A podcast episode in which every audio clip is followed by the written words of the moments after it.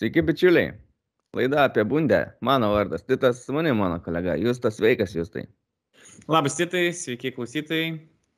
Turėjom porą savaičių pertrauką, įtakota rinktinių pertraukos, bet jinai baigėsi, sužaistas vienas Bundeslygos turas savaitgalį, prasidėjo Čempionų lyga, vakar sužaidė Bayernas ir Wolfsburgas joje, o šiandien žais dar Dortmundas ir Leipzigas.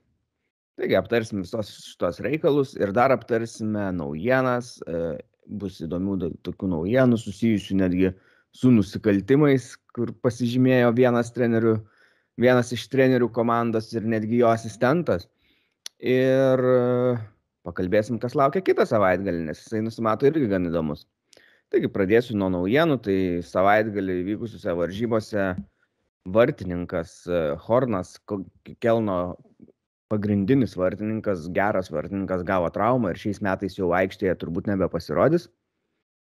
E, tuomet e, bundė bundė, bet e, kas vyksta antroji bundės lygoje, tai čia turbūt tokia bus pagrindinė mūsų šiandienos naujiena. Tai Bremeno Verderis e, atsisveikino su savo treneriu. E, jisai atsistatydino pats, Markusas Anfangas, treneris, kuris anksčiau yra dirbęs e, su Bayerio jaunimu, yra treniravęs e, Kielną, yra treniravęs Darmštadą, dabar treniravo Verderį. E, atsistatydimo priežastis yra ta, kad jam teisės sauga pareiškia kaltinimus, vyksta tyrimas ir vyksta dėl to, nes įtariama, jog treneris suklastojo savo skiepų pažymėjimus, skiepų duomenys e, pateikia tai, jog yra pasiskiepęs abiejom vakcinom ir gali visur dalyvauti, nors įtariama, kad taip nėra. Tai labai toks keistas, keistas įvykis į tokioj pozicijoje esančiam žmogui. Šiaip treneris kaltinimus visiškai neigia ir sako, kad jis tikrai turi dvi dozes. Tai bus labai įdomu, kaip išsirtulios ta situacija, bet e, kol kas ji yra tokia, kad tas centras, kuriame jisai teigia, jog skiepijasi, jisai sakė, jog neturi jokių duomenų, jog e, jisai buvo tame centre ir, ir kad treneris pasiskiepijo. Žodžiu, kompiuteriuose, failuose nėra jokių duomenų apie tai. Tai kaip jam pavyks įrodyti, kad jisai tikrai pasiskiepijo ir kad galbūt tai galėtų būti kažkokia gal žmogiška arba kompiuterinė klaida, aš neįsivaizduoju, bet, bet kol kas geruoju jam nešvečia, nes jeigu nesigaus, tai aišku, gali būti piniginės baudos, laisvės atėmimo, man rodos, jam negresia, bet, e, bet, bet e, treniravimo dar licenzija gali būti atimta. Ir turbūt bus, jeigu įrodys. Ir jo asistentas irgi su tą pačią problemą susiduria. Iš to pačio centro? Nu, va, dėl centro asistento, taip sakant, nebuvo tiek įsiplėsta bent jau spaudoj. Visi koncentruojasi į pagrindinį trenerį. Bet, bet, bet, bet problemos panašios. E, kas dar man įdomiai, be, be, įdomu buvo besidomint šią situaciją, tai kad jisai vasarą prisijungė prie Verderio ir kai prisijungė, jisai sakė, jog nėra vakcinavęsis, nes neturėjo dar progos, bet greitai tai padarys. Tada rūpjūti vienas iš žaidėjų Verderio užsikrėtė ir treneris turėjo karantinuotis nes nebuvo duomenų, kad jisai yra pasiskiepijęs. Bet okei, čia jeigu, sakykime, būtų kažkokia klaida, tai net, galbūt jis buvo pasiskiepijęs ir nebuvo tų duomenų. Lapkritį vėl vienas žaidėjas susirgo, bet tada treneris pateikė duomenis, jog yra pasiskiepijęs. Bet tie duomenys, kad jis yra pasiskiepijęs, yra, jog pirmas skiepas buvo balandį, o antras birželį beros. Tai reiškia, jisai, tai reiškia, jisai atvykdamas į Verderį turėjo būti vakcinavęsis jau. Ja. Nors kaip ir sakė atvykdamas, kad dar to nėra padaręs, tai toks labai įdomus. Ir jisai teigia, kad jisai vakcinavosi dabar nu, nuo Bremeno apie 200, man rodos, e, kilometrų, tai kelne, kol dirbo dar e, Darmštade. E, jo asistentas tai Florianas Jungia yra, ne, neįvardžiau prieš tai.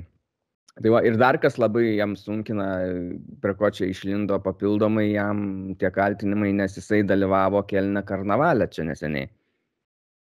Ir tame dalyv... karnavalę norint dalyvauti irgi reikia turėti galimybių pasatą, sakykime, kažkokį vokišką atitikmenį.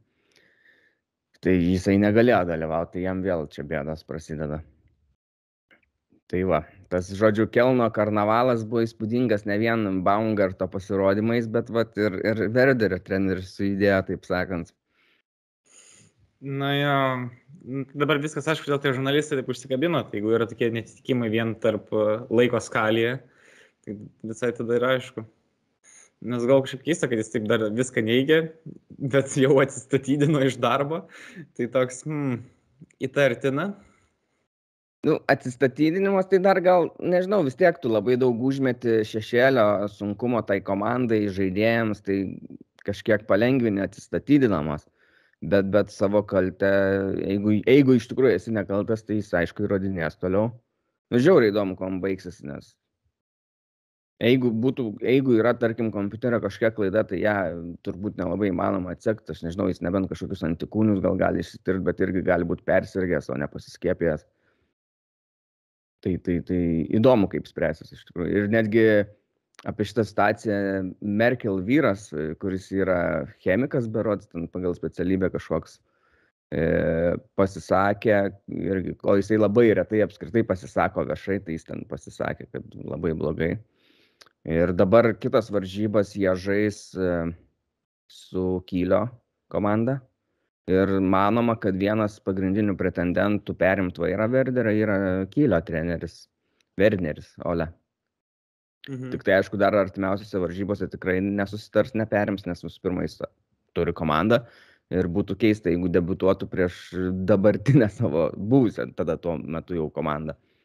Ir turbūt perims vairą U18 treneris Kristianas Brandas, o jeigu jisai negalėtų ar ką, tai tada gali būti, kad net sporto direktorius tos prie komandos vairo Baumas. Nes, nes išvyko ir treneris, ir vienas asistentas, tai truputį sunki padėtis su, su treneriais, bet nepaisant to, jie, nes dar vienas asistentas yra, tai laikinas toks paskirtas Zenkovičius, tai jisai susirgo COVID ir negali dalyvauti. Tai žodžiu, tokios trenerių problemėlės Verderį ir, ir, ir bet, bet jie vat savaitgalį nepralaimėjo šalkiai, kas yra gan keista su tokiom problemom. Ir, bet aišku, šalkės fanai nepraleido progos ir varžybose skandavo Markus Sanfang has no more vaccine pass. ir, ir žodžiu, pašėpė. Tai va, tiek apie Verderį turbūt, ar norėjai. Tai gal, Verdi, tai gal Verderio žaidėjai geriau tiesiog patys save gali treniruoti. Ten Matėjusas buvo užsiminęs apie Barną, kad čia va gali be trenerio žaisti, gal ir Verderio Bremanas gali be trenerio pažaisti kurį laiką.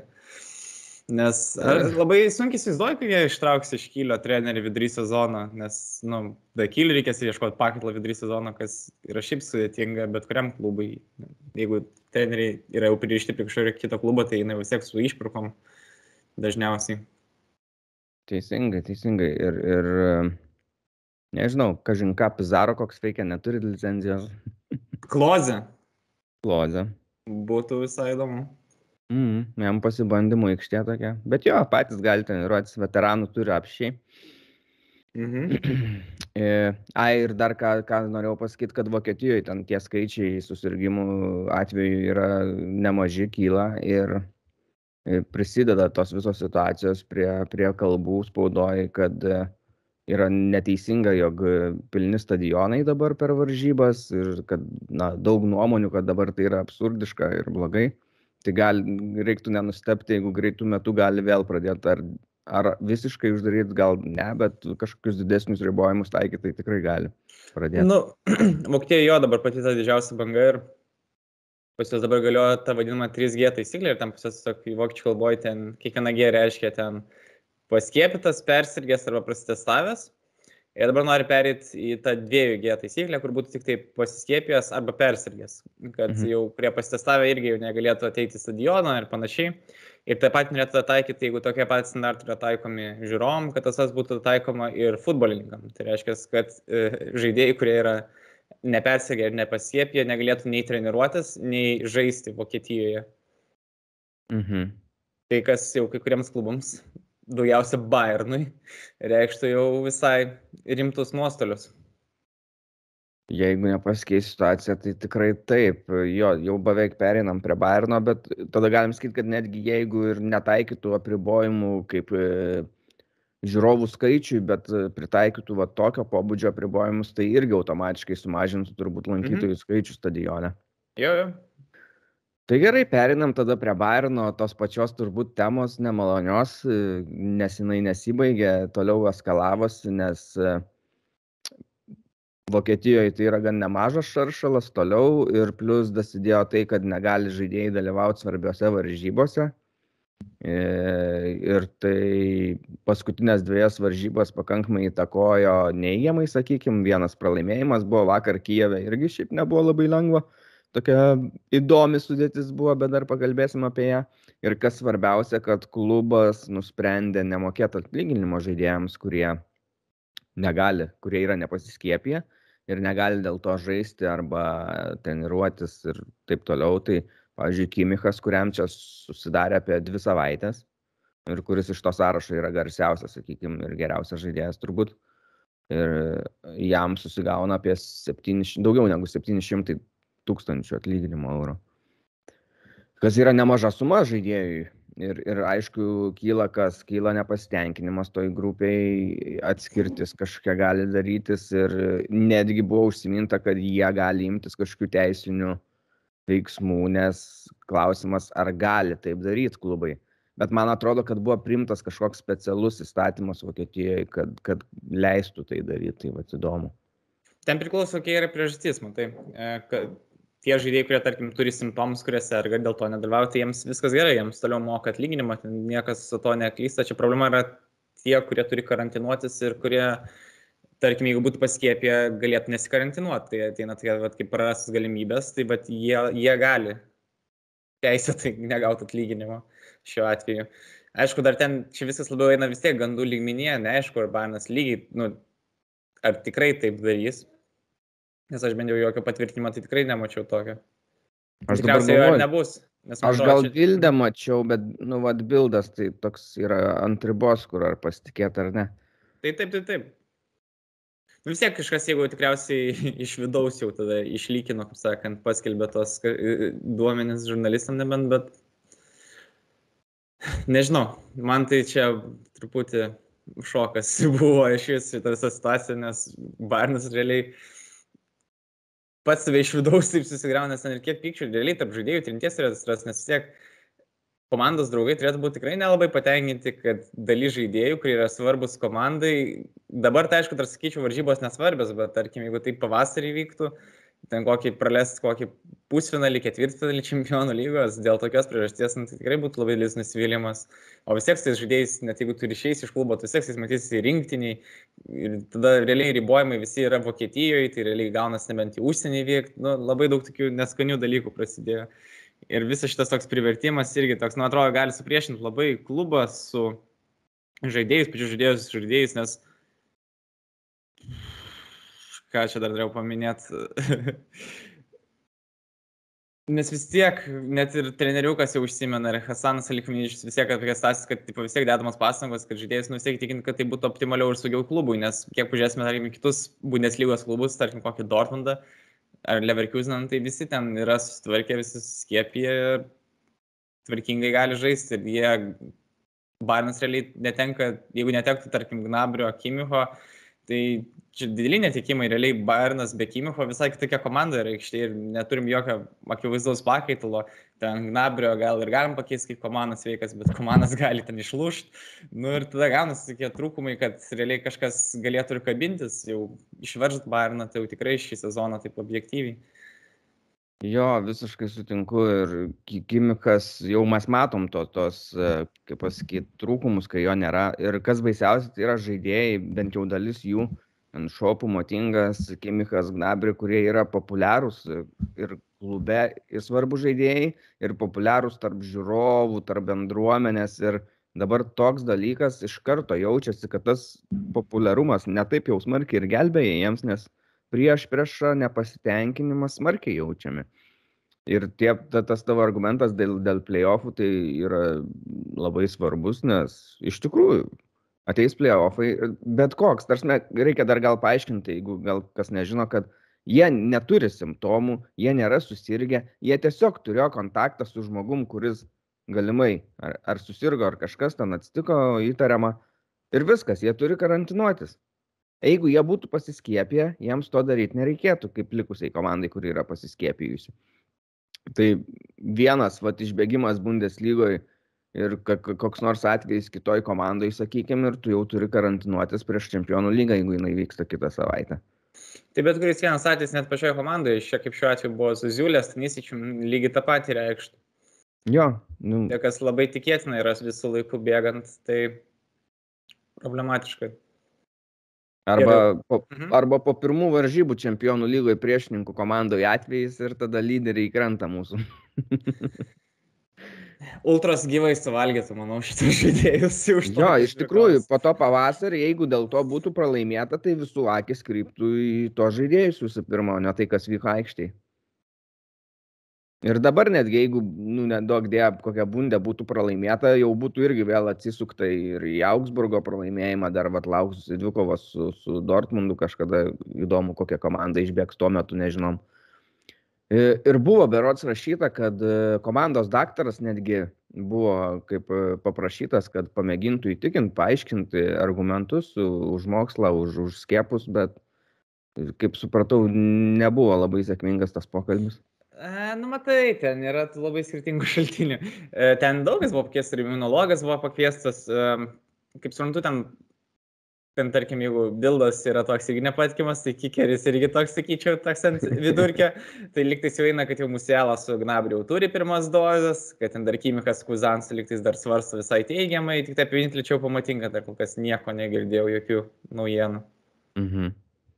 Nu, Gal, galbūt dabar dar nenori oficialiai patvirtinti, jeigu, tarkim, turi keli žaidėjai tas pirmas dozes, kad e, ne, nebūtų dar didesnio sutelkto spaudimo ties likusiais. Ir kai jau visi sutiks, tada aš net nebejoju, iškart paskelbs jau ir po tos pirmos dozės, nes nu, bus vis tiek toks jau viskas, atokvėpis visai spaudimo, nuo spaudimo komandai ir žaidėjams. Nu jo, aš tai norėčiau, kad taip ramiai viskas ir išsispręstų. Dabar ten praras kažkiek taškų, ten rungtinių pralaimėti nieko baisaus, sakyčiau, bet, bet galima žala kitu atveju tai yra tikrai labai baisi, nes tarkim, net jeigu į teismus eitų klubas prieš klubą, nu, tai jau yra nu, aš neįsivaizduoju, kaip tokie žaidėjai norėtų dar čia likti, labiau, tarkim, Gnabris, kuris dar net nėra prastesnis kontrakto, žinau, kiek jis norėtų čia prastesnėto kontraktą, tada visa situacija su komanu realiai apsisuktų, su Kimiku aš neįsivaizduoju, ką daryti, realiai, nu, jeigu įveda du gėdant, tai realiai šitie žaidėjai net negali žaisti Vokietijos Bundeslygoje, tam tikrą prasme, nu, realiai, jeigu jie nori turėti profesionalą karjerą, jie net realiai ir surinkti nelabai galės pažaisti namų rungtynės, jiems reikės realiai vykti kažkur į užsienį žaisti, nu, tai labai daug problemų, o žaidėjai sunkiai pakeičiami ir norėtųsi, kad viskas tiesiog paprastai išsispręstų, nes nesinori šitų žaidėjų kažkaip prarast ar jų net kažkaip neturėti jų visom tokiam pajėgumu. Nes tiek jų mhm. forma grįžus irgi bus ne pati geriausia, nes jie čia po 2-3 savaitės bus nežaidę, nes treniravę. Užtruks, kol vėl įsilies į kolektyvą. Tiesa, tiesa. Na, va, nežinau, aš daugiau naujienų šiandienai kaip ir neturiu. Tada galim pereiti prie klausytojų klausimų. Mhm. Tai vieną gavom e, Havertzas į Bayerną kaip Levos pakaitalas. Aš e, nematau tokio varianto ir net nebūčiau už tokį variantą. Mano argumentai būtų tokie, kad e, Chelsea sumokėjo už Havertzą apie 80 gal kažkur milijonų, sakykime, kas yra gan didelė suma ir Bayernui. Tai Bayernas už tokią sumą jo, manau, tikrai neimtų yra per didelė. Antras dalykas, kai ir buvo svarstama dar, kol jisai žaidė Bayeryje apie įmanomus pasistiprinimus, tai netgi tuo metu buvo Havertzas atmestas labiau negu Werneris, apie Wernerį buvo daugiau kalbų. Ir, ir dabar, dabar jo imt neapsimoka. Lewandowskis, aš manau, dar porą metų tikrai žais Bayernę ir po tų poros metų mes nežinom, ar Havertzas bus Šelsi, sakykime, ar ne, nes jie, jeigu ir parduos, tai jie norėtų gauti irgi tam tikrą sumą, kuri nesiskirtų į žemąją pusę labai smarkiai nuo tos, kurią jie sumokėjo. Tai kur jisai tuo metu bus, aš nežinau, manau, kad gal, jeigu Tukelis liek, tebe bus Čelsi, tai jisai turbūt irgi liks ten. Nu, vat įdomu, kaip finansai Bayerno atrodys dabar, kai yra stadionai, renkami žmonės, Ar jie bus kažkas panašaus iki, pande, iki to prieš pandeminio lygmenio, ar ne? Nes jeigu taip, tai aš manau, kodėlgi ne, 80 milijonų Bayernas gali išleisti žaidėjai, kurio labai nori, tarkim, kaip buvom su Liuka Hernandesu. Tai labai reta, bet žiūrim, kad patys didžiausi transferiai ir vyko per paskutinius du sezonus, nes Zane, Pamekano ir Hernandesas. Bet kiek reikia ir Havertzo Bayernui. Aš tai manau, kad kol yra Mülleris ir Lewandowskis, nėra prasmės tokio brangaus žaidėjo į tas pozicijas dėti. Labiau, kad Havertzas net nebūtų tiesioginis pakaitalas Lewandowskiui. Švintelį atveju aš įsivaizduoju, žaidžiant polėjų Bayernė, jeigu staiga e, Ne, ne, nes tai, kad, prasme, Lewandowskis su Mülleriu baigė karjeras, tada Barnas jau nėra pririštas prie tos 4-2-3-1 schemos, gali žaisti ir 3 gynėjais, gali ir 4-3-3 žaisti, tada galėtų Havertzas žaisti to, tai vadinamu, paslėptų 9 numeriu. Gal tik tai toks variantas, bet čia aš jau labai hipotetiškai jau stumiu, man atrodo, čia nelabai realus scenarius. Na ir aišku, tas pačias sumas, kaip ir minėjai. Šiaip Havertzas jisai gali žaisti polio pozicijoje kaip Lewandowskis, bet, bet, bet, bet tai nėra optimalus variantas. Jisai gali, nes jisai yra, lab, šiaip jis yra aukštas, didelis žaidėjas, kas gal kartais nesimato aikštė. Jo ten ūgis, man rodos, netoli dviejų metrų, gal yra 1,9, gal kažkiek. Nu, žodžiu, ir jisai Bayerį paskutinį tą pusmetį, man rodos, ir žaidė polėjų, ir, ir mušė įvarčius tada irgi gan gausiai. Bet, bet, bet, jo, kol yra Leva ir Mülleris, tai tikrai jisai nėra jam tikslo ateiti, nes jis būtų tiesiog atsarginis. O, o kas bus po dviejų, sakykime, kokių metų, tai dar labai gal anksti matyti, bet, bet aš jo nematau Bayernę kol kas. Ir tada Na, turim... labai sunkiai net įsivaizduoju žaidėjai iš Čelsio ateinant į Bayerną, nors mes realiai turėtų iškristi iš Čelsio sistemos. O Haversui ten visai gerai sekasi, aš nelabai matau jo net motivacijos, koks tikslas jam būtų pereiti, grįžti čia į Vokietiją. Daug geriau įsitvirtino negu Werneris tenai. Mhm. Ir turim kitą klausimą susijusiu su Bayerno jaunimo komanda. Tai kokios bėdos pas Bayerno jaunimo komandą, kad uh, čempionų lygoje prasti pasirodymai ir kitų Vokietijos klubų jaunimo prasti pasirodymai, ar, ar akademijos čia silpnos? Aha. Akademijos. Tai, ok, tai tiesiog apie Bairną mes galim pakomentuoti, o dėl kitų klubų mes, na, šiandien dar tikrai negalim pakomentuoti, nes už, užima kit, visus kitus klubus pažiūrėti tas situacijas, paskaitinėti labai nemažai laiko klausimą vakar gavom. Tai e, apie Bairną kalbant, tai bėdos tai jau pernai prasidėjo. Aš buvau kalbėjęs kažkurioje laidoje, nes e, buvo parduoti kai kurie lyderiai. Tie lyderiai tiesiog buvo išaugę jau antros komandos e, lygį, bet nebuvo pakankamai geri, kad, sakykime, patektų į Bayerno pagrindinę komandą. Tai jie tiesiog išvyko į kitus e, Bundeslygos klubus. Ir jie ten žaidžia dabar Hoffenheime, Freiburgė, tada kas ten palauk išvyko tas užstrigo. Apie ką tu galvoji? O, dieve, dieve. A, jo, kurietis Freiburgė buvo. Džiongas, tai taip. Jo, tada, nu, į Kylį išvyko Arpas. Žodžiu, daug žaidėjų išvyko į kitų. Augsburgą, Dorčas, ten dar anksčiau irgi išvyko. Nu, tai Zirksi, Anderlechtą. Išnuomotas. Tai. Į Regensburgą. Jo, tokie žaidėjai, kur jau beveik ant ribos buvo Bayerno, bet pritrūko tai jie išvyko į kitus klubus tiesiog arba yra išnuomoti. Dadžakų išvyko, Sąjungas, kur irgi žaisdavo kartais Bayernė vienas kitas varžybas. Jie išvyko, dalis jų išvyko pernai, dalis išvyko šiemet. Ir pernai jie iškrito iš trečios lygos į ketvirtą. Tai tas, sakau, procesas jau buvo pernai prasidėjęs, jisai šiemet te, tebesitėsi ir dar galim pasakyti, kad šiemet ten 6-7 žaidėjai šiuo metu yra traumuoti tai irgi neprisideda ir, ir už tai yra sunki situacija.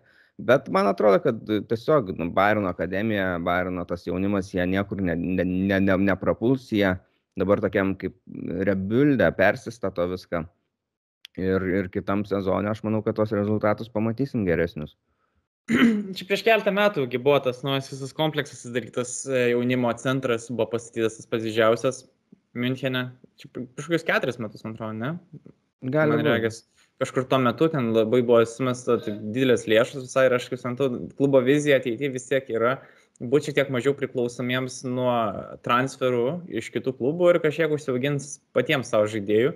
Kas sakyčiau, kol kas sunkiai sekasi, nes tokie paskui prasimušė iš akademijos žaidėjai, kas buvo ten. Mülleris su Alaba tikriausiai. Alaba paskutinis, man rodos, buvo. Jo. Nu, tarkim, kad ir tas pats, žinai, Stanisičius dabar gal yra realus kandidatas, bet dar tai jis atėjęs, tik tai jis tik porą metų pabuvo akademijai, jis nėra toks jau visiškai Müncheno auklėtinis šiuo atžvilgiu. Bet ir, kaip ir minėjai, kaip sim kalbėjau prieš tai, kad Vokietijos jaunimas kaip ir Europos čempionai, bet kažkaip klubiniam lygmenyje akademijose dar taip netrodo, kad jie būtų tokie tvirti žaidėjai. Bet čia ne vien apie Bairną kalbant, aišku, kažkaip. Didelė dalis tų žaidėjų, sakau, jie jau dabar pateko į pagrindinės komandas. Ten, vat, Europos jaunimo čempionate, man rodos, daugiausiai iš, už vokiečius įmušė Lukas Nemecha, kuris dabar jau žaidžia Wolfsburgo pagrindiniai sudėti. Mhm. Tai čia dėl to tiesiog toks etapas, kai yra perėję dauguma žaidėjų į aukštesnį lygį ir, ir kol užauks keli nauji tose akademijose, kituose, to tol dabar užtruks metai keli. Dar aišku, yra tas dalykas, kai kurie vokiečiai vyksta į užsienio akademijas žaisti. Tasme, kaip ir tas pats Metšagė buvo Cityje, Musiala buvo Čelsyje. Aišku, ten dar nuo šeimos situacijos priklauso, bet dar ir tas. Mhm. Gerai, tai tada perinam turbūt prie varžybų. Ir nuo kurių norėtum pradėti? Nuo čempionų lygos ar nuo Bundeslygos? Čempionų lygą galim peržvelgti, greičiau bus tiesiog. Gerai, tai jeigu, jeigu įeinam į čempionų lygą, tai tada būtina paminėti, kad mūsų fanų klubo narių važiavo į varžybas Kievę vakar skrido teisingiau. Bet buvo dalis, kurie ir netgi važiavo mhm. iš, iš pasienio miestų, kurie labiau gyvena ten kibartose, tai linkėjimai jiems, linkėjimai Gretai, Tomui, Marijui, mūsų viceprezidentams, prezidentai vice. E, prašė perduoti jiem linkėjimus, tai aš truputį kalbėjau vakar su jais prieš varžybas, po varžybų, nes norėjau pasigaudyti tų tokių emocijų, nuotaikų, kad galėčiau ir per podcastą perduoti. Tai jo pati kelionė, tai aišku, į Kijevą, tai jinai ir skrydžiai labai pigus buvo, ir biletai į varžybas pigus, ir apsigyvendinimas, aišku, yra pigus Kijeve. Tai jie ten, aš nežinau, turbūt už visus tuos tris komponentus, ką žinau, ar šimtą eurų viršė, aš galvoju. Dabar taip ne, nepamenu, kažkada klausiau dar anksčiau.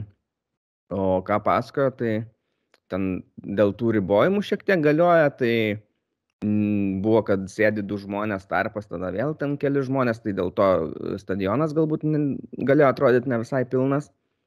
Bet kas sakė, nustebino, kad labai labai daug lietuvių buvo ir apskritai, nu, kurie šiaip atvyko. Nepažįstami žmonės. Tik aišku, kaip neutraliems e, gal žiūrovams, tai jie daugiau sakė palaikė Kievo komandą. E, iš pradžių sakė ukrainiečiai vietiniai, tai mūsų fanus, kurie buvo su atributika, tai palaikė vokiečiais, e, nebuvo įtin draugiškai nusiteikę, bet jau kai pasišneka, kad lietuviai ir sužino, tai jau viskas all right.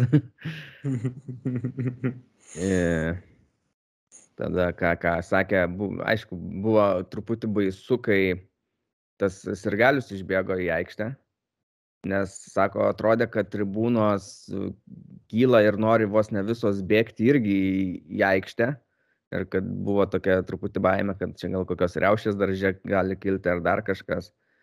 Ir sakė, jog buvo toks, liktai kalbėjo vienas mūsų narys su, su ukrainiečių fanais.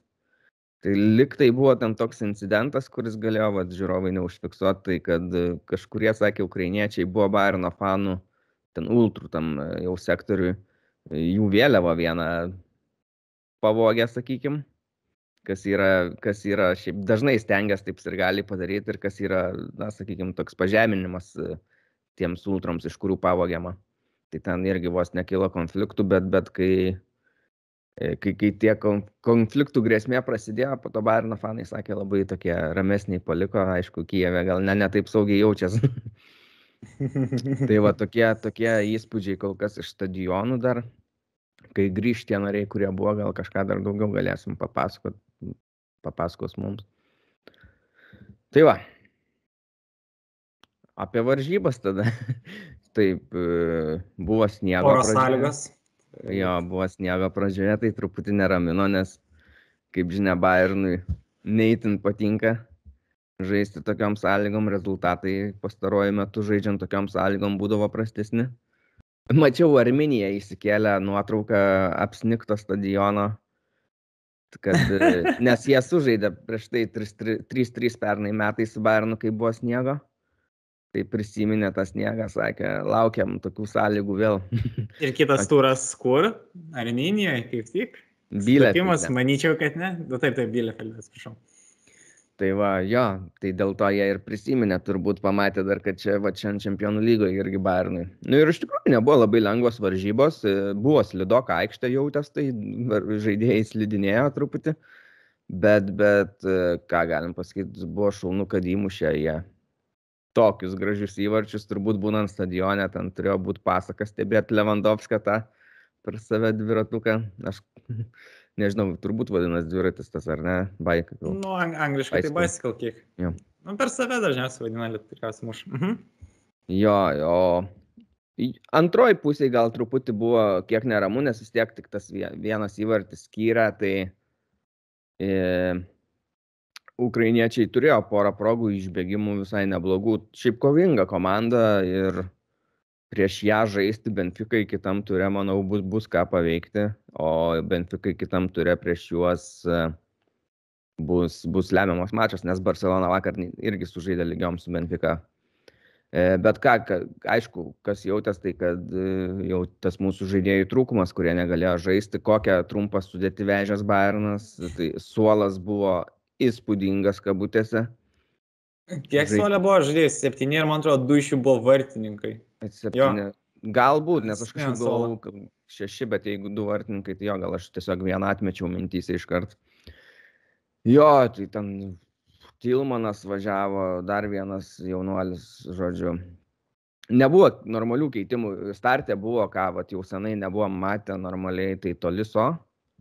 Pažiūrėjom, kaip žaidė, tai pamatėm truputį, kad man jisai atrodė geriau negu, pavyzdžiui, praeitam Bundeslygos turė Sabiceris. E, ir aišku, po to, kadangi tokią sudėtį atsivežė, tai ir keitimai buvo gan įdomus, kur ir Saras eina į aikštę, tada pavaras stumėsi į gynėjo, centro gynėjo poziciją, kas šiaip nėra blogai. E, pats Saras šiaip irgi nebuvo labai blogas šį kartą. E, Ir, ir netgi Goretska praktiškai ginas centro gynėjo pozicijoje, kas yra wow. Na, kai Nienzu jau iškrito, tai jau. Nienzu, Nienzu kažkokios ten yra. Pėties krito. Jo, tai neaišku, dar, dar, dar nėra duomenų, mhm. kaip ten kas, bet kažkaip galvoju, kad nieko neturėtų būti Aš tikiuosi, nes būtų žiauru, jeigu atvažiavam su dviejais centro gynėjais ir du iš jų ir Hernandesą iš, iškeitė ir po to Nienzo Šilono, nu, kiek dar tų nelaimių reikia. Nu, ten nelabai kas gali būti, tau gali išnirti nebent pietys, bet... Na nu, taip. Man, nežinau, man viskas gerai bus. Tai va, mano tokie gal pastebėjimai dabar kol kas, tu gal papildytum kažko. Jo, kaip ir minėjai, kad sudėtis nebuvo optimali. Žinojom, kad Pemekano negalė žaisti dėl kortelių geltonų surinktų. Zabiseris nuo praeitų varžybų irgi iškrito kuriam jau laikui.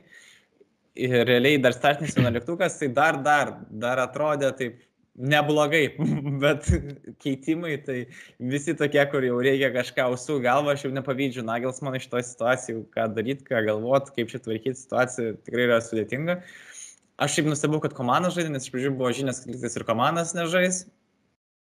Tai jo, buvo smagu jį pamatyti. Jo, tai kaip tu paminėjai, Levas tą labai gerą įvartį, bet kas dar ten man labai nusakė, kad jis labai staigiai sureagavo, ten žmogus nedvėjos. Tai, nes ten kamalys, tai jiem nepasakojom, tiesiog atšoko rikošėtas, staigiai apsisuko ir mušė. Ir gerai pataikė kamuolį. O man tai iš tikrųjų labai patiko antras įvartis, vien dėl to, kad kaip Mülleris praleido tą kamuolį. Aš dar tokio praleidimo nesu matęs. Galiu pasakyti, tas tolisokai pasame, aš negalvoju, kad Mülleris taip tarp kojų prašokęs ore, trijų pėdų aukštyje, gali va taip praleisti kamuolį su ras komanda, nes ten žiauriai. Jis įsirinko du gynėjus ant savęs komandas visiškai laisvas ir taip estetiškai atrodo, kai jis pataikė tą viršinę skersinį, kai visas ten sniegas nuo vartų pš, iškrito. Nu, tas buvo geras, bet jo, kaip minėjai, Kievo Dinamo turėjo labai geras varžybas šiaip Gal pirmas, jie gal pradėjo abu kėlinius gan stipriai, bet antram kėlinį dar nebuvo įmušę įvarčio pačio pradžioj. bet turėjo labai gerą progą, kur Šarapenko atsidūrė prieš Noirį ir vieną kartą smūgiavo nors išlaukti ir antrą kartą, kai galėjo tikriausiai jau laisvai uždaryti progą, nusprendė tam pasuot žaidėjai ir ten jau aišku Noiris jau jį suvalgė tą vietą, bet aš jau buvau įstikinęs, kad ten jau tikrai bus įvartis kris. Dėl antro įvarčio tai Markas Rokai įėjęs aikštę, tai toks truputį pakeleivių pabuvo, kur pametė kamolį ir tiesiog žiūrėjo, kaip vyko veiksmas, kaip rytuliojas. Na ir to ten, aišku, ten jau visi kiti žaidėjai truputį laikėsi tikriausiai socialinės distancijos, jau ten nelabai norėjai prie žaidėjų savo. tai taip ir sukrito. Tai jie, Kievas tikrai galėjo laisvai ir čia su lygiosmi išvažiuoti iš šitų varžybų. Tai ką žinau, antras kilnis tikrai daug sunkesnis buvo Barnas. Aš tik ką norėčiau pagirti, tai man Goretskos kovingumas gynyboje šitose varžybose labai gelbėjo. Jis du kartus baudos aikštelį, kaip pračiažė tiesiai gražiai kamuolius užžaidė ir šiaip jis net vidury labai... Negavo. Nu, ir šiaip jis vidury kiek daug būtent presinguodamas, šiaip man visai presingas šitose varžybose patiko Barono vietomis, va ypač Vadgoretska, kaip laikus susirinkdavo tik tinkamą žmogų užspausti, arba kaip kontratakas, nukenksmindavo po kampinių, nu, vienas geresnių jo varžybų šį sezoną, ką aš mačiau, nors jis neturėjo nei įvarčių, nei rezultatyvaus perdavimo, bet kaip jis atidirbinėjo gynyboje, tai buvo tikrai super. Mhm. Jau, Bairnui garantuota pirma vieta ir dabar va, kitam turė tik tai Benfica ir Barsai išsiaiškins, kurie, kurie kils, išsiaiškins netiesiogiai. Bairnas žais prieš Barceloną, tai sakykime, netgi Benfico situacija yra geresnė. Aš tikiuosi, kad Bairnas laimės. Ir tada Benfica, aišku, Benfica į geresnę situaciją, bet, bet vat, su Kievu mes matom, kad veikti tikrai ką bus. O Benfica reikia būtinai pergalės. Taip. Nebent mes, aš nežinau, jeigu mes primuštumėm daug Barcelonai, o jie sužaistų lygioms jiems. Neužteks taškų. Neužteks dviejais, ne? dviejais taškais jie. Ai, dviem atsilieka. Ok, atsiprašau. Pamaniau, kad vienu, jo, dviem. Jo, tai va tokia situacija. Tada, jeigu apie Barną viskas? Manau taip. Gerai, tai tada aš dar žiūrėjau vakar e, vėlesnės varžybos Valsburgą, pasijungiau su Sevija. Tai 2-0 baigęs varžybos, bet e, ne visai tai atspindi, gal sakyčiau, nes paskutinis įvartis tai buvo įmuštas ant per pridėtą laiką. E, 97 gal ar 8 minutę. Na tai ten jau tiesiog. Bet, bet, bet, kas šiaip geros varžybos buvo kokius, nežinau, 60 minučių, nes pirmam kelny tai tiesiog kaip užsukti, abi, užsuktos abi komandos lakstė, labai kybiai žaidė, e, palsėdavo tik tada, kai reikėdavo išsimest kamolį iš kokio užribio, o šiaip tai varydavo non-stop, ten Wolfsburgo Vekhorstą ar, ar Nemecha kokį dažniausiai Vekhorstą. E, Sevijos du žaidėjai bandydavo kaip sumuštinį iš šonų vis suspausti, apriboti, žinai. Tai jisai po to jau pajutęs, kad tai vyksta ir ten gan, gan grubokai su juo kartais pažaidžia, pradėjo ieškoti ir pražangų ir kartais nukrist taip e, situacijose, kur šiaip nereikėtų kristi, ieškotų baudinių. Nepasisekė jam to padaryti. O įvartis pirmas tai greit krito 12 minutę, Rakitičius labai gražiai užkėlė iš dešinio krašto Jordanui, ten tiesiog Wolfsburgas neužsiemė tinkamos pozicijos ir, žaidėjas krisdamas su galva įmušė įvartį gerą. Bet, bet nesustojo toliau, abi dvi komandos varė, varė, sakau, iki kokios turbūt 60 minutės, tada jau savyje apsiramino ir, ir daugiau tada pradėjo savo aikštės pusėje stumdyti kamoliuką. Wolfsburgas bandė spausti, bet, bet kai jau pati savyje buvo numušus tempą iš savęs, tai jiems tada jau sunkiau sekės. Bet turėjo progų kelias tikrai. Reiktų gal tik paminėti, kad jie irgi atvažiavo Wolfsburgas į varžybas pakankamai nukraujavę, tai negalėjo žaisti žaidėjų gan svarbių jiems. Stefanas negalėjo žaisti, pagrindinis e, vartininkas irgi negalėjo žaisti. E, žaidė Pervanas vartuose. Tada praeita, praeitose Bundeslygos varžybose savaitgalį ten ir Otavijo truputį buvo susižeidęs, tai jisai pradėjo ne nuo starto, Mbapų pradėjo irgi kitas gynėjas ne nuo starto. Tai ta gynybos e, linija buvo tokia neoptimali, sakykime. Bet, bet e, ties polimu tai jie viską turėjo. Tai norėjos, norėjos ir tikėjausi, kad gali labiau teigiamą rezultatą pasiekti, bet nu, nepavyko šį kartą. Ir dabar Wolfsburgas grupė yra paskutiniai grupė su taškais yra taip labai chronologiškai išsidėšius, tai nuo ketvirtos vietos turi penkis taškus, šešis, trečia, antra septynis ir pirma aštuonis, tai kaip sakant, visi šansai dar yra, bet e, Wolfsburgas kitas varžybas žais su Liliu, kuris va, atsigavo pastaruoju metu, laimėjo vakar irgi prieš e, Salzburgą. Mhm.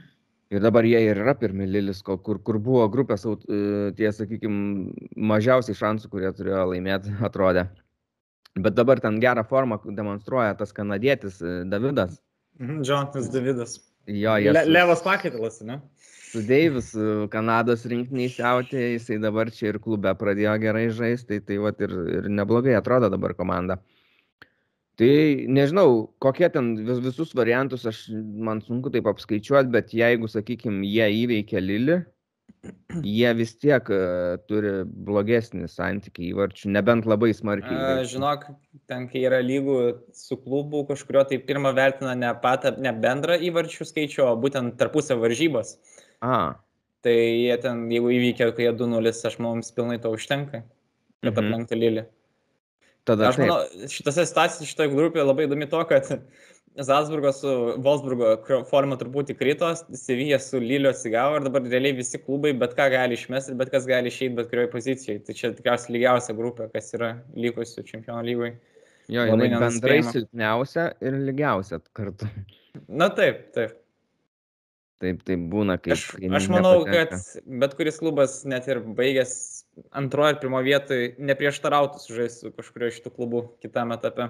Jo, čia bet, bet kuris klubas yra tinkamas kitiems stipriems klubams, sakykime, bent jau ant popieriaus. Mhm. Ir nežinau, Wolfsburgui turbūt koks geriausias variantas, kad kitoj poroje Salzburgas su Zevilija lygiom gal kad sužaistų, aš galvoju. Nes tokiu atveju, jeigu jie laimi Wolfsburgas, tada tikrai aplenktų Seviją. E, su Salzburgu irgi turėtų lygiai. A, tai tada reiškia, turėtų Salzburgas, Lilis ir Wolfsburgas po lygiai taškų po 8 ir tada jau tikrai reiktų skaičiuoti, kaip čia kas gaunas. Jo, ten tarpusio rezultatų žiūrėt, o ne, aš nežinau, čia dabar sakau, ekliam užsim. Jo, labai sunkiai sudėliot, bet, bet nu, pamatysim dar, bet prieš, prieš kitos savaitės dvikovas būsim pasidėlioję ir galėsim pasakyti tada. Bet, žodžiu, Wolfsburgui pergalės tai tikrai reikia ir dar klausimas, ar užteks jos. Jo. Europos lygai užtektų turbūt. Jo, Europos lygai užtektų. Mm. Tai va tiek, o šiandien žais e, Dortmundas, žais prieš e, Sportingą Lisabonos, tai irgi lemiamos jiems varžybos. Jeigu jie laimi, jie patenka. Jeigu sužaidžia lygiom, patenka. Jeigu pralaimi į Europos lygą irgi. Ir žais Leipzigas, kur jiems... Matai, dėl... dar jiems yra šiek problematiška, nes jie dabar su Sportingu tiesiogiai žais kas nu, jiems nu, būtų geriausia laimėti, bet po to paskutinės sportingas žais prieš Ajaxą. Ir yra klaustukų, kiek ten Ajaxui yra svarbu pasimtas lemiamus tris taškus, kiek taip ir turi garantuotą pirmą vietą, kiek ten reikia jiems draskytis. Tai kad tik nepadarytų meškos paslaugos ten kokiam sportingui. Ne, bet jeigu Dortmundas juos apsižais, turės tada trijų taškų persvarą prieš juos Ja. Ir, ir, ir turės tada tarpusavio pranašumą. Mm, taip, tokia atveju taip. Tai ir plus dar žais prieš Bešiktasą, kuris yra nu, silpniausia grupės komanda Dortmundas dar tai. Tai irgi mm. pliusas. Mm. Ne, bet svarbiausia šiandien laimėti ir aš tada manau, kad jie tikrai patenka iš antros vietos ir viskas. Mhm. O, o, o Leipzigas žais tai dėl čempionų lygos nieko nebeleminčias varžybas, nes turi tik vieną tašką. Jeigu laimės, tada tiesiog uh, turės tą šansą į Europos lygą užsikabinti, nes išsilygins taškai su Briugė, su kuria ir žaidžia šiandien. Jo, ir ten, kaip minėjom, Vokietija ten su COVID problema, tai, tai žaidėjų jaučiasi, kad pradeda daugiau iškritinėti, ne, Dortmundas neteko Torgano Azaro, Bairno Stanisičius Zuzulės irgi, dabar patvirtino, kad ir šitas Gulačis su Jesse Maršu irgi susirgo, irgi panašios varžybos. Bus labai keista nematyti Glašio vartuose, mhm. jau nežinau kada, ar, ar esu iš vis nematęs jo Leipzigė nevartuose. Čia, čia, čia tas pats kaip Gladbachas be Zomerio. Prasme. Žinau, kad tai kažkada buvo, bet aš to nemačiau. Gerai, tai važiuojame į Bundesliga. Pradedam nuo penktadienio irgi tada varžybų. Penktadienį žaidė Bayernas su Augsburgu. Bayernas pralaimėjo 2-1, žaidė Augsburgo stadione. Prasileido du įvarčius pirmam kelnį, tada dar tam pačiam pirmam kelnį gan greitai vieną, vienu atsakė. Lewandowskio įvartis buvo šiaip irgi neblogai ten su, su, su, su, susifasavo jie labai staigiai. Tai vienu lėtimu tiesiog gavo perdavimą ir iškart vienu lėtimu Lewandowskis užbaigė, tai gan gražiai. Dar kartą noriu pabrėžti Millerio gražų perdavimą. Vieną lėtimą. Na, atrasme, kosmosiniai jo tie perdavimai, kas čia vyksta. Bet, bet po to buvo labai sunku antram kelinyje.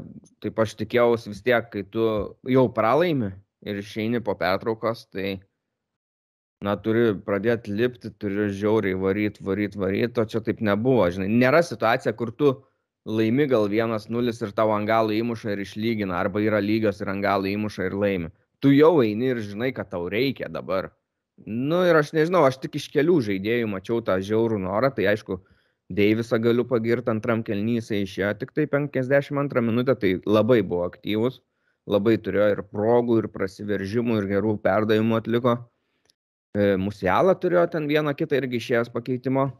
Ir Lewandowskis, aišku, turėjo porą gerų progų, kur į vartininką tiesiai paleido, bet e, šiaip paėmus buvo, buvo prastokai tam antram kelnė. Aš sakyčiau, aišku, Augsburgas ką padarė, tai visi sulindo į gynybą ir tu ten, žinai, praeidinėk pro juos dabar, kai tiek yra susispaudę.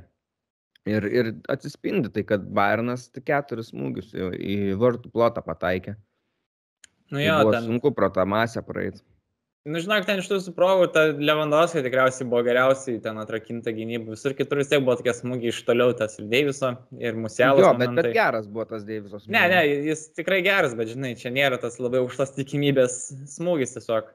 Nes pagal tikėtinus įvarčius, tai Barnas turėjo jau artėjo link to savo antro įvarčio, bet jo, kaip ir minėjai, nebuvo daug tų progų, tikrai Augsburgas ten gynėsi 4-4-2 blokų, kartais ten ir 5-5-0 atrodo susidėliodavo tokias dvi tiesiog linijos ir kas gerai, kad jie kompaktiškai gynėsi, nu, jie neišsiblaškydavo, jie nieko nepaleisdavo, per neliktinę erdvės neleisdavo ir Barnas akivaizdžiai su tuo turėjo daug problemų, aišku. Sakyčiau, labai saugų linija šitose varžybose silpnai atrodė, tai tikrai Zabicas su Gareska. Jo, Zabisas man ko čia nepatiko, nu, nebūtinai vien dėl to jo atsivežto to antro įvarčio, bet apskritai kiek jis daug nereikalingų lėtymų darė. Atrodo, jis priima kamuolį, daro po 2-3 lėtymus, veltui kol apsikinė, apsižvalgo, nu, per lietai žaidimas vyko tiesiog. Natūralu, po to ir Goreska dėl to kentėjo. Kur tai prarado tai, tą kamuolį, tai jis grinai pasiemė ir žvalgos, apsisuko, ką, ką daryti ir tuo metu iš jo ir paėmė tą kamuolį, nubėgo ir įmušė. Ir pirmas įvartis jis ten irgi kažkur bėgo, aišku, ten gal gynėjai daugiau turėjo užsimti pozicijas geras, bet jis irgi bėgo, gintis, nesuspėjo, nu, taip, skistai atrodė Zabiceris labai. Tai va, Toliso čempionų lygoje man geriau atrodė šį kartą. Ir mhm. Zabiceris buvo pakeistas 52 minutę iš karto po pirmo kelnio beveik. Jo, teisingai buvo. Jam reikia gal tiesiog daugiau laiko apsipras, nežinau, nes jis vis tiek labai retai, čia buvo tik antras startas Bayern nuo to, kai iš atėjo. Gal jam trūksta, nežinau, kokio pasitikėjimo, jis labai pasimetęs aikštėje atrodo. Nu, tikrai atrodo, kad nu, per ilgai žvalgosi tai aikštėje. Tai aš noriu tikėti, kad apšils kojas ir, ir pritaps, nes jeigu taip toliau tęs situacija, tai tendencija tokia, kad tikriausiai Zabistris vis daugiau žais, nes Kimicho galim vis mažiau matyti. Neaišku dar kaip čia bus, aišku. Bet uh, Jo, toliso viskas gerai. Gynyboje, hmm, nu ten labai nesėkmingai, aišku, atšoko dar tas kamuolys. Ten pataikė realiai tokį tarpą tarp vartininko ir gynėjų. Na, nu, aišku, geras smūgis stiprus. Antras irgi buvo geras pasas, ten tiesiai už Hernandeso galvos užmetė. Nu, realiai daugiau progų Augsburgas neturėjo, turėjo šitas dvi progas, kiek pamenu. Bet kas gerai, kiek atsimenu visada. Dažniausiai vis tiek turiu tokį principą, kad bet kuri varžyba, bet kuriuose varžybose, bet kuri komanda tikriausiai turės kokias dvi geras progas mušti įvartį. Nu, įmuši dvi, nu tai va, 2-0 gali ir turėti savo pranašumą. Ir atrodo, tuo metu, kai įmušė Levą, tas 2-1 jau atrodo, o, to čia Bairnas lips, lips, lips, to čia vėl klasika grįžti varžybas, ten 3-2 bus ir nu, dėja taip nebuvo. Antras kelinės jau buvo sudėtingesnis. Ir prarasti taškai kainavo Dortmundo priartėjimą. Dortmundas savo varžybas prieš Stuttgartą laimėjo ir dabar vienas taškas beskiria vėl komandas. Tai artėjant tai gruodžio dvikovai tarpusavio situacija vis įdomesnė daros. E, šeštadienį tada, jau kaip sakau, laimėjo Dortmundas prieš Stuttgartą, bet aš tų varžybų nežiūrėjau, aš pasirinkau kitas stebėt. Tai man įdomesnės pasirodė Hoffenheimas su Leipzigu.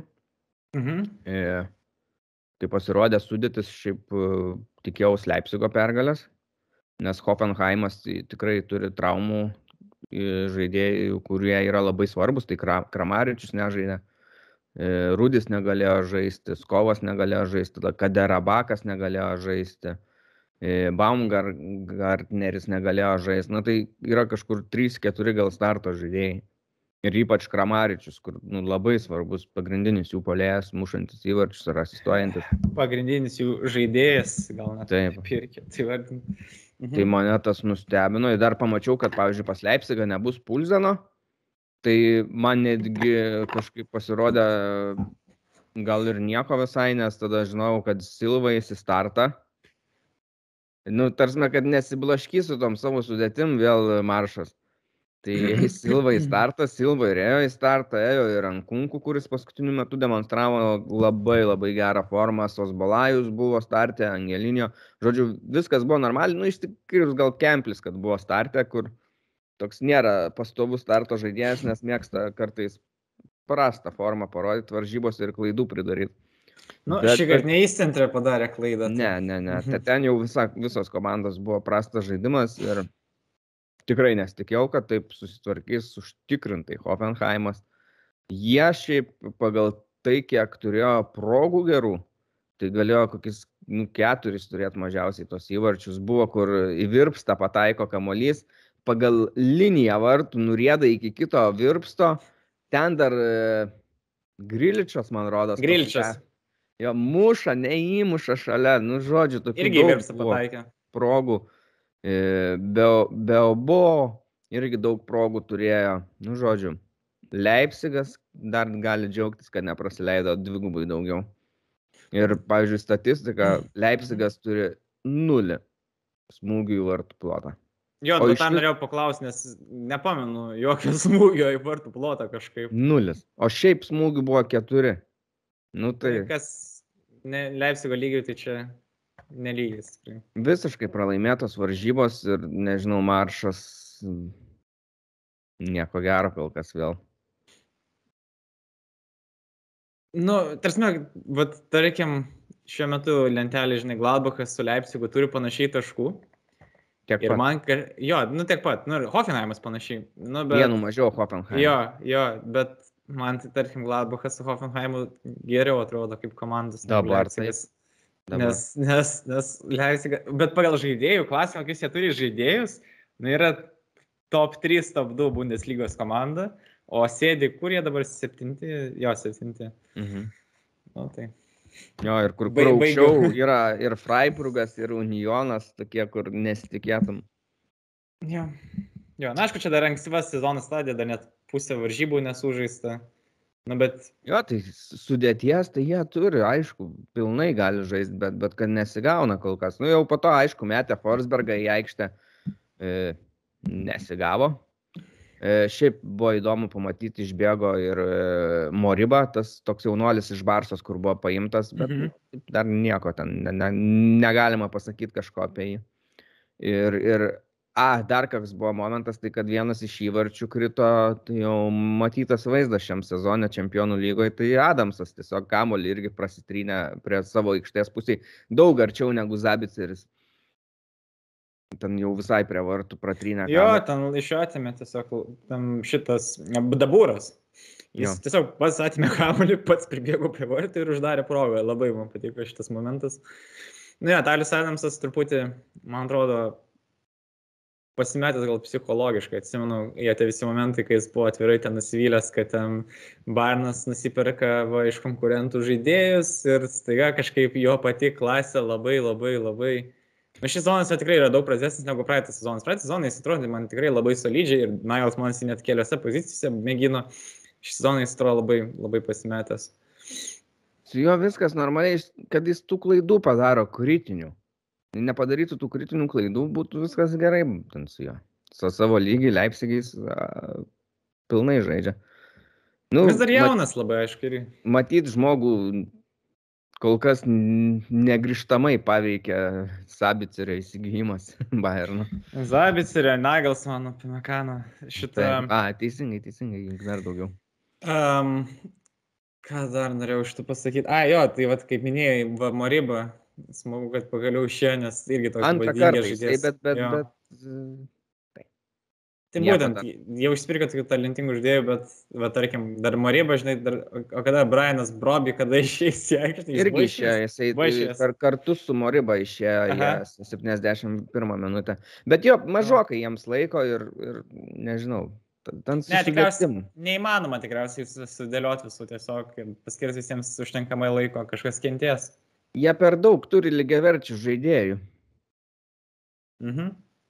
Tai va. Gerai, tada einam į vakaro varžybą. Šeštadienį buvo Berlyno derbis. Ir ką mes jūs taip aš šitą derbę galim pasakyti? Aš galiu pasakyti, žinai, kelių žodžių frazę. Nusakyk. Keturių. Arba mm. penkių, jeigu nedėsiu brūkšnio. Nu tai jau sakyk, aš jau nežinau, kad čia. Geriausia Berlyno komanda Union. Jonas. Taip. Čia jau dabar galim trint, ką norim, kaip norim, bet pasiteisinimų, išvedžiojimų, manau, nebereikia ieškoti. Yra faktai, yra rezultatai, yra kelių sezonų rezultatai, viskas. Unionas yra geriausia Berlyno komanda. Tik kad jau trečią sezoną tą patį galima sakyti. Tai nu, bet man, man vis trūko to, žinai. Ai, dar trūko, kad dar, dar hertą sudaužytų, ne? Nu, man reikėjo tarpusavį, kad jie labiau išsiaiškintų, žinai, vis tiek Bobičius atėjo į hertą šiemet, tai aš taip tikėjausi kažko, bet Bobičius ne. nebėgioja aikštėje. nu, bet e, gali sudėti sudaryti tinkamą trenerį, surasti normalų, o ne kažkokią. Nu, Gal kada nors ir bus taip, bet čia bus ilgas procesas. Dar užtruks ir aš dar pakalbėkime apie varžybas, o po to aš truputį mm. pakalbėsiu apie reikalus kartos už aikštės, tai ten nieko gero irgi nėra. Gerai. tai Hertha, Hertha pralaimėjo 2-0 Unionui, žaidė Unioną aikštėje tam mažam fainam stadionėlyje, kuris šiaip yra pastatytas pačių fanų netgi rankomis. E, tas fasadas labai fainas, toks neįprastas stadionui esi matęs, toks rusvas šviesiai. Mhm. Jo. Mačiau, mačiau. Nu, žodžiu, tai susirinka, aišku, ten bendruomenė labai tokia yra mm, artima, kaip pasakyti, tokia, nu, savekai atrodo visi labai. Ir kaip pavyzdžiui, Bayerno stadione, vis tiek atvaro daug turistų, daug šiaip žmonių, tai e, matos ir žmonių kartais būna daugiau, kurie neturi ar atributikos iš vis, ar dar kažko ten, tai atrodo visi senukai, vaikai, visi apsikarstę tom atributikom, tos visos tribūnos tik raudonos.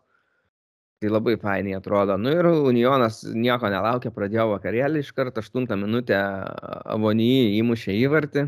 Tačiau įprasta darosi, jis yra top 5 mušėjas dabar Bundeslygoje šį sezoną, nepasakysiu tiksliai kelintoje vietoje, tai todėl sakau top jie 5. Ten, jie, jie, ten trečią vietą dalinas, keli žaidėjai Modestė, Avony ir Šikas po 8. Jo, turi. šitie trys. Tai va, įmušė, įmušė po klaidos labai prastos hertos, e, kur Hertos gynėjas gavo perdavimą iš aikštės vidurio aukštą, tokį paprastą tiesiog perdavimą, kurį jisai nu, nepriemė ir aišku, Vany jau dabi gynėjo e, iki jo. Ir tas gynėjas norėjo išmušti tiesiog tą kamolį iš šoną ir nu, nepataikė, neišmušė. Nu, ir Vany pasiemė kamolį, nubėgo ir įmušė ramiausiai. Nu, toliau Uniono bėdos, tos Hertos bėdos nesibaigė. Tai trimelis tokį, nežinau, gal net Robeno šiek tiek stilium, tuo Robeno stilium, kur prieš Man United. Tik kita koja. 20 ar 9 ten kokiais gal. 10. Jo, gal 20 tai, tai palaukė nuo kampinio ir iškart šovė. Ir ten tokia situacija buvo įdomi, kur e, du Uniono žaidėjai bandė dadėti, iškiždami koją nei vienas nepataikė į kamolį ir kamolys vis tiek įkrito į vartus. Ir ten buvo labai rimta galimybė, kad... Atšauks. e, kad atšauks įvartį ir tikrino, nes e, ta pasyvi nuošalė galėjo būti. Ir aš šiaip nežinau, kaip jie traktavo tą taisyklę, nes paskutinis žaidėjas, kuris bandė namušti, jis man rodos tikrai galėjo būtent pasyvioj toj nuošaliai. Nu, bet tokiai teisėjai priemė sprendimą, sakykim, jie yra teisi. Jo, Teis... bet aš nežinau, vat, kaip tokiu atveju vyks, nes tas žaidėjas jisai tiesiog neblokavo vaizdo vartininkui, bet jisai bandė žaisti, jis tiesiog bandė, nepataikė į kamolį. Ir jis nepataikė į kamolį. Ir aš nežinau, va, tokiu atveju, kai vyks, nes jeigu jis būtų Dažniausiai būna problemas ta pasia nuošlė, kad nublokuoja vaizdą, ten užstoja vartininką ir panašiai. Bet aš nežinau, tokiu atveju, kai bando žaisti, bet nepaina žaisti. Nu, tarkim, žinai, Va tokie vat momentai. Nes jis buvo aktyvus, vat man tas faktas, man rodos, kai esi aktyvus, tai nu, turėtų kažkaip jau skaitytis. Mm. Nu, bet nesmė, jiems užskaitė tą įvartį, Trimelis įmušė savo įvarčiuką, veteranas. E, tada kelnio pabaigoje dar Herta irgi įmušė įvartį. E, įvartis buvo tvarkingas, nes ten prasidėjo Pekarikas su, su su galva, man atrodo, atsimušė. E, įvart ir išmušė Uniono žaidėjai iš vartų kamolį, bet jisai jau buvo perskrėjęs liniją, tai ten buvo kalbos tik ar, ar, ar kirto liniją kamolys ar nekirto, bet po vaizdo peržiūros paaiškėjo, kad kirto, bet jisai buvo atšauktas dėl to, nes prieš tai Pekarikas, kuris atliko ne Pekarikas Petekas, kuris ten atliko perdavimą, jisai buvo prieš tai atakos kontrajame nuošaliai. Ir po to skaičiau mhm. dar netgi straipsnį apie Hertos tos reikalus, tokį nuviliančius jos, jų reikalus, tai kad Pekarikas po varžybų, ar po pertraukos, ar po varžybų žodžių, bet iš jo buvo įmamas interviu, tai jisai net nežinojo, dėl ko buvo atšauktas įvartis, jisai galvojo dėl to, kad vis dėlto buvo kamuolys ne, nu, neperėjęs linijos. Mhm. Nu ir ten, aišku, truputį juokęs tam straipsnį, kad vat, Hertos yra maždaug tokia ir yra padėtis, kurie nieko, nieks nežino, ką daro, taip kaip Pekarikas net nežino, dėl ko jo įvartis nebuvo užskaitytas. nu, o po to, tai žinai, antrą, antrą kėlinį bandė ten Hertą, daug keitimų iš karto atliko ir buvo tengas į aikštę ir dar keli žaidėjai tokie, kur mažiau tikrai matyti ir žinomi man. Bet, bet nieko jau nebepakeitė, Unionas gan užtikrintai žaidė. Kaip žinom, Unionas gintis moka ir gali. Ir jie tą puikiai padarė. Hertas šiaip yra įmušus 12 įvarčių per 12 varžybų, kas yra labai prastas rezultatas irgi. Ir, ir, ir kaip sakant, Unionas moka gintis, bet jie ne vien tik tai gynės, jie ir toliau patakavo, atakavo, buvo aktyvesni negu Hertas, aš netgi sakyčiau. Tai va tiek apie varžybas. Nežinau, nori ką nors dadėti, arba aš einu tada prie reikalų, kurie yra jau net nesu varžybom susiję. Eina, manau, toliau, tiesiog aš nelabai ką pridėti. Dar šitie klubai aiškinsis Vokietijos tauriai mm, vasarį, man atrodo, ar sausį, kada ten bus tas varžybos. Mhm. Žodžiu, situacija yra tokia, kad Hertha yra vienas tos klubų, kuris turi vieną didelį investuotoją šiaip. Mhm. E, tas investuotojas yra Larsas Winhorstas. Taip. Jisai su savo kompanija, jisai investavo dabar apie, buvo neseniai, man rodos, 374 milijonus. Jam priklausė apie 49 kaž, kablelis kažkiek procentų tų reikalų klube.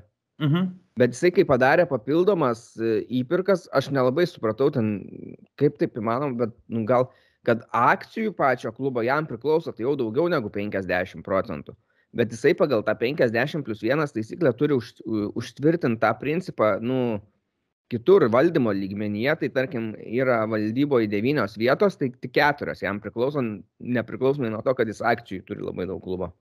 Taip, taip, tai čia visams klubams tas pats, esmė, gali klubai net ir visą turėti vienas savininkas, kai tarkim, nu, yra su Wolfsburgu ir Leverkusenu, taip, kur Bayeris. Wolfsburgas, Leverkusenas ir uh, Hoffenheimas. Nu, Hoffenheimas. Tai, jo, jo, tai tu gali turėti daug tų akcijų. Problema tiesiog ta, kad tu turi savo taryboje, kurie priima sprendimus, turėti daugumą atiduoti e, fanų atstovams. Jo, ir tada, na, nu, aišku, dar yra Leipzigas, bet ten dar atskira istorija. Ir kad kyla, aišku, viskų klausimų, ten, okei, okay, tas vietas jie palieka, bet uh, ar nėra, žinai, per aplinkui apeinama ir panašiai. Bet kame yra problema dabar, tai kad e, to Larso Vinhorsto kompanija, Tenor Holding, e, buvo šį mėnesį teismo pripažinta nemokia. Ir, ir, ir tai gali reikšti, kad ateityje jiems bus problemų su šituo investuotoju, nes jisai šiaip yra pakankamai toks, e, kaip pasakyti, ne vienareikšmiškai vertinamas. Mhm. Jisai jau yra ne vieną kartą dalyvavęs teisme už, bank, dėl bankroto, sakykim, tada yra dalyvavęs dėl, nu, piniginių operacijų, sakykime, įvairiausių pažeidimų, sukčiavimų, pinigų tokių vos ne plovimo, apgavyščių, fraud, visokių tokių reikalų, jis yra ne vienam teisminiam procese dalyvavęs, kelis yra laimėjęs, kelis yra ir pralaimėjęs. tai va to, tokia asmenybė ir aš galvoju, ar jie čia, kaip sakant, Hertą nebus įsileidę lapės į vištidę prieš kažkiek metų ir, ir dabar, kad jiems jeigu, žinai, iškrenta toks investuotojas, jiems reikės kažkas, kas juos pakeistų, kas jį pakeistų. Ar jie ras tokio kalibro, aš nežinau. Mhm. Tai gali, gali būti, kad, kad ta, ta dobė, jinai dar gali ir nemažėti. Tai šiuo atveju tai čia gali išsikasti savo tokią duobę, nes vis tiek klubo finansai tai irgi šiek tiek nuo to priklauso. Labai. Ir nežinau, man atrodo, kad tada jau reikia dabar tas, aišku, jie labai daug lyderių prarado, pardavė ir Kunha, ir Kordobą, Lukebakijo, bet nežinau, man atrodo, kad jų tikslas turėtų būti dabar tik neiškrist šį sezoną. Ir tada aš, nežinau, vietoj Bobičiaus iš karto, tik sezonas baigęs, atleidžiu trenerių, paimu kažką su vizija normalia normalų gerą trenerį ir kad jisai suformuotų komandą kitam Bundeslygos sezonui, nebūtinai aukštumų komandą, bet kad jinai būtų stabili vidutiniokė, nes dabar, nu, jau Herta kelius sezonus kokietuoja su tom paskutiniam vietom. Mhm. Tai kad neprisikokietuotų šį sezoną. Nes, nu, dėl ko aš apie trenerį kalbu, man jisai visiškai nepatinka. Dardajus, nu, nu nėra. Su, su, su sunus jau žaidė iš tai. Na, tai čia. Atidavė tą pasą. Nežinau, man dar Dajus yra, aš jį žiūriu, aš matau, kaip kartą žaidžia, tai nu, jis tiesiog treneris pakei, atlik keitimam, pašaukt ant žaidėjų kartais dar kažką, bet kad jis taktikas kažkoks būtų, schemas geras kurtų ar tai... kažką. Mm -mm. Jo, bet dabar čia trenerių gerai ieškoti, čia reikia kapstyti jau iš kažkokių, nežinau, vėl Zalzburgą ten, Lieferingą visą šturmuot arba tą Bosvensoną, nežinau, trim komandom atiduoti, nežinau, tegul įsižaidžia, kas ten jo norės. Tai ir aš abejoju, jis pats norės Hertą dar ateit, dar čia klausimas. Nu, vat, įdomu, kokia bus ta finansinė padėtis, nes jeigu jinai būtų stabilizuota, tai Hertha yra viliojantis klubas, kaip sostinės klubas. Bet, bet dabar tai vat, neaišku, kaip bus tais finansais dar. Jo, bet nu, įmanoma rasti trenerį, sakau, tik pasibaigė sezonas, iškart ieškai, žiūri. Jo, jo, yra laisvu. Vambomelis laisvas. Nu, vambomelio gal nereikia, po to tauriai cirkų pridirbs dar. Anfangas laisvas irgi liktais. Nu, šitas veikėjas gali licenzijos nebeturėti jau. nu, va, kiek problemų atsiranda. Tai va, gerai tiek apie šeštadienį, tada dar sekmanį vyko kelios varžybos. Freiburgas su Eintraktu žaidė, Freiburgas patyrė antrą pralaimėjimą, 0-2 pralaimėjo Eintraktui. Kažkaip varžovai, kurie pralaimi Bayernui, kurie būna iki tol nepralaimėję, po to griupteli, taip ne, nemenkai. Bet ne, aš šitas varžybas tik vieną akim labai stebėjau, tai pirmam kelnie būdų įvarčius sumušė, aišku, kas, kas be ko Kostičius įmušė įvartį. Lindstromas. Nu, toks, ten pasas buvo, bet gavosi įvartis. Nežaidė prastai labai Freiburgas, bet, bet e, nežinau, Eintraktas visai užsivedė irgi jau buvo truputį, gal grįžta šiek tiek į vėžės, galim sakyti, komanda, kai jau, kai jau Kostičius įsižaidė, tai ta komanda yra tempiama jau. Ir sakyčiau, ne vien Kostičius žaidimas labai daug ką duoda, sakyčiau, dar trapas yra labai labai geroj formai, jis čia irgi keletą gerų tokių ištraukimų padarė ir plus, skaičiu, kad pagaliau jų gynybos linija pakankamai stabilija, turi pagaliau Tutą, Endiką, Hinterį geri. Mm, man šitas vaizdas visai patinka. Jo, Tuta jau mes sakėm, praeitam sezonė visai neblogai atrodė, tik tai, kad e, šitas varžybas, tai jie dar ir su Hasebe pradėjo, tai buvo toks mhm. netikėtumas, nes retai jau jį be pamatysi aikštėje. Bet nieko atlaikė vyrai. Man Jekičius visai tose varžybose patiko, jisai nežinau, atliko gal net ir naudingą rezultatyvų perdimą, dabar bijau sumeluoti. Bet žodžiu, Mm, ai, aktyviai Ten, žaidė. ten rikošėtas tas visas gavas. Ai, tai jam tiesiog. Mhm. Jo, bet jisai ten kamuolius perdavinėjo gražiai tose varžybose. Mhm. Tai va, ir Eintraktas pasigerina savo situaciją, dabar yra jau 11 ir iki 7 vietos jos ir teskiria tie 3 taškai iki Leipzigo, ten Gladbacho. Ir kitos varžybos vakare, kurias jau žiūrėjau, buvo Kielnas su Mainzu, tai ten pasibaigė 1-1. Buvo Svensonas prieš e, Baumgartą, du vyrukai. Man jie net kažkiek panašus iš išvaizdos. Mhm. Yra, yra. Šiek tiek. Jo, Baumgartas tai ką nustebino, tai kad barzda buvo nusiskutęs. Mhm. Toks jaunesnis atrodo, net atpažinti buvo sudėtingiau. Bet aišku, ke- kepuriukas buvo vietoj. Burkardas, Mainzo žaidėjas, apie kurį mes kalbėjom berots praeitoje ar užpraeitoje laidoje, kur yra arti pakvietimo į Vokietijos rinktinę, tai įmušė įvartį. technikas įkvietė. Kaip? Jo, kur Technikas santechnikas skambino galva, o ne flikas. Ja. Tai e, įmušė gražų įvartį, gavo perdavimą, dar turėjo vieną gynėją apsižaisti baudos aikštelį ir apsižaidė jį gražiai, persimetė. Užsikirta labai gražiai. Jo, persimetė tą kamoliuką į reikiamą koją, į reikiamą pusę, įmušė gražų įvartį. E, tada, kas buvo, buvo modestas trauma. Tai modestė aikštę paliko dviejų žmonių padedamas, ten vos paeidamas, veidas buvo, nežinau, atrodė, kad jam koja tuo metu pjauna tiesiog, be nuskausminamųjų, bet e, po varžybų Baumgartas sakė, ai ten madrats toks įbri, nubrozdinimas, sumušimas paprastas, nieko čia baisaus, modestė irgi po to ten jau Twitter'į, man rašė, kad, ai, nu čia viskas normaliai, kitą savaitgalį čia žaisim. Taip, nu, okay, gal momentaliai ir skaudėjo labai, bet ten ir pyko labai, po to buvo konfliktas tarp trenerių, nes kad Mainzas gan šiukštokai žaidžia, padaro pražangas Kielno žaidėjams. Ir, ir ten net ne Baumgartas pradėjo tą konfliktą su Bos Vensonu, o kitas treneris Kielno. Tik aišku, po, po to visus ten raminti reikėjo, bet, bet jau per spaudos konferenciją jie taip, normaliai, pa, jau buvo apsiraminę ir ten nekėlė tų klausimų labai ir, ir, ir nekonfliktavo. E, Kelnio pradžioje antro, tai Ozanas išlygino e, Kelno, iš Kelno.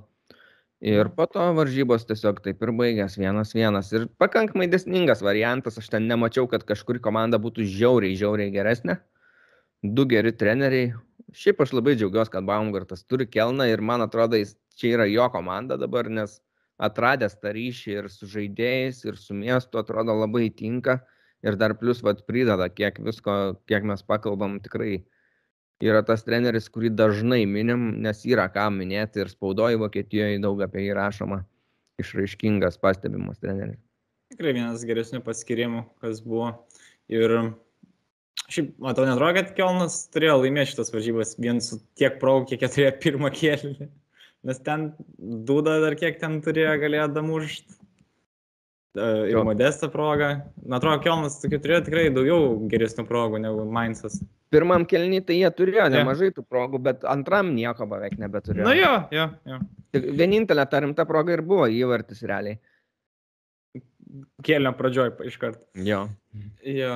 Na, Um, matyt, bijojo po to pralaimėti abi dvi komandas, tas vienas vienas nėra labai blogai, jos uh, abi dvi Mainzas yra 8 su 18 taškų, uh, Kielnas 12 su 15, tai labai maži tarpai.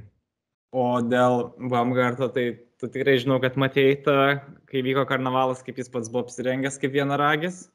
O tu ar matėjai, kaip visa komanda buvo apsirengusi? Kaip Baumgartas. Aštuoni žaidėjai buvo apsirengę kaip Baumgartas, tarsi, aštuoni žaidėjai jo įvaizdį pasirinko karnavalui. Nu, Ja, ta tai nuotrauka jisai eina super. prieki kaip vienaragis su to rožiniu yeah. kostiumu ir perukų blondinišku, o iš galo eina pen... aštuoni Baumgartai lydi Jo, jį. jo, jo, jo. Labai gerai. yra Šio sezono jis yra komandos ir miesto ikona. Simbolis. Jo. mhm. Tai va tiek, turbūt tik tai e, galim paminėti gal rezultatus tų varžybų, kurių nestebėjom. Tai šaunu, kad Dortmundas 2-1 varžybų gale įveikė Štutgartą.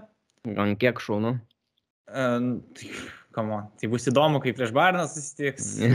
tai gal ir tai būtų įdomu, nereikia čia. Oi, tai žinok, čia bus rinkę, man atrodo, čia surinks dviejų invalidų komandas, kur daugiau žaidėjų, kurie turės iškritusių, nes, nes panašu darosi taip, kad čia, nes Dortmundo priekinė linija visą ten iškritusi, Barno galinė, nu, tai apylygiai gal bus. Šiaip tikrai šaunu Marko Rozės bent to, kad kad ir kaip Dortmundas yra nustekentas, traumų, COVID atveju ir panašiai, bet rezultatą duoda, pasuoja tos taškus, renkasi, renkasi, nenusileidžia per daug Bayernui, tai pagirtina tikrai tai yra. Ir Malenas įmušė pagaliau įvardį. Taip, taip. Ir Roisas gražiai uždarė po to organą ten Azaro smūgio rikošėto atkritusio.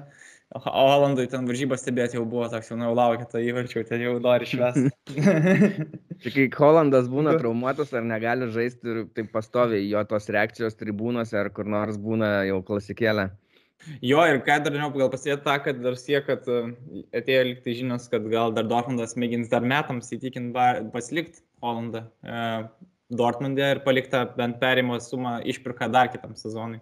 Na, sunkiai tikėtina, bet Matysim. Jeigu pavyktų, būtų labai geras rezultatas jiems. Mhm. Bayeris 1-0 įveikė Bochumą. Adli jaunasis e, žaidėjas iš Prancūzijos atvykęs įmušė tą įvartį po Frimpongo perdavimo. Tada Gladbachas 4-0 sutvarkė Fjurto Greuther, gan ramiai. Hoffmanas du įvarčius įmušė, jas turėjau fantasy.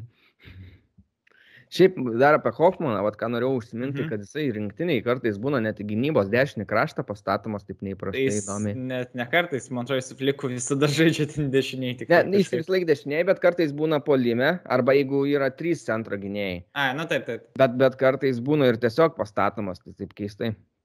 Mhm. Bet, nu, okei, okay, universaliai žaidėjas, jeigu sugeba sužaisti, vat, kaip, kaip septynas, man atrodo, varžybas žaidė dabar šitam la, e, atrankoj.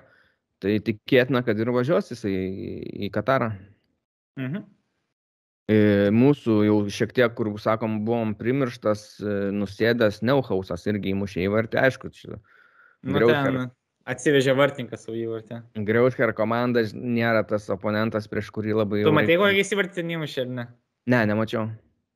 Ten vartininkas išbėgęs kokiu 10 metrų iš šono nuo vartų, bandė išpušinėti kamolį ir pataikė į Neuhausą. Neuhausas nu vienu lėtimu iš karto, aišku, į vartų plotą tiesiog pakreipė kamolį. Tai va toks va tas ir įvartis. Bandė būti Neueriu. Nes, nes, nes dabar buvo problema, žinai, išstrumavęs Alvedi. Tai Zakarė žaidė centro gynėjų tose varžybose. Tai gynybos linija buvo Bensibainis, Zakarė ir, ir Ginteris. Dėl to, vat, būtent Zakarijos vietą atsistojo Neuhausas žaidė. Mhm. Aš galvoju, kažkaip buvau, o gal jam davė šansą, pažiūrėjau, ai, nes Zakarija žaidžia gynėjai tiesiog. Viskas aišku. Bet jo, nu, Hoffmanas tikrai labai universalus ir tam pačiam Hoffen, šitam Gladbachė keletą pozicijų žaidžia. Šis, šis, šis rungtynės man patiko, kad Skelly buvo vienam krašte, kitam krašte Hermanas žaidė. Irgi gerai atrodytas, aišku, gal prieš stiprias komandas taip nepais, bet prieš vat, tokias silpnesnės, tai galima tikrai gerai žaisti. Ir plėja visai atsigavęs, gražus čia visą įvarčiai buvo. Man patiko. Prieš Fiurtą galima pasismaginti. Mhm. E, kitos varžybos, tai Wolfsburgas 2-2 sužaidė tik tai su Arminija.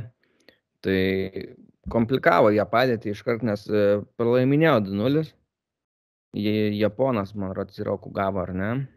Okugava, jo, gražų įvartį įmušė. E, tada traumų truputį buvo, Otavijo turėjo palikti anksti aikštę 25 minutę, gynėjas Rusiljonas įėjo vietoj jo. Tada jau po to antram kelny Vekhorstas su Nemecha įmušė po vieną įvartį ir gelbėjo tą situaciją. Bet, bet, bet sunkokas varžybos buvo. Jeigu nebūtų pasidarę klaidų pradžioje ir nepraleidę bent vieno įvarčio, aš manau, jie ir būtų ištempę, bet susikomplikavo ir po to turėjo pramušinėti tą Bielefeldo gynybą. Nes nu, geresnė pramušė. komanda jau po to buvo tikrai Valsburgas. Uh mhm. -huh. Ką norėjai sakyti? Nes tai ir pramušė du įvarčiai. Jo, jo, jo, tik kad neužteko. Ir viskas, kitas varžybas aptariam. Mhm. Uh -huh. Tai galim paminėti tada, kad kitą savaitę laukia kas.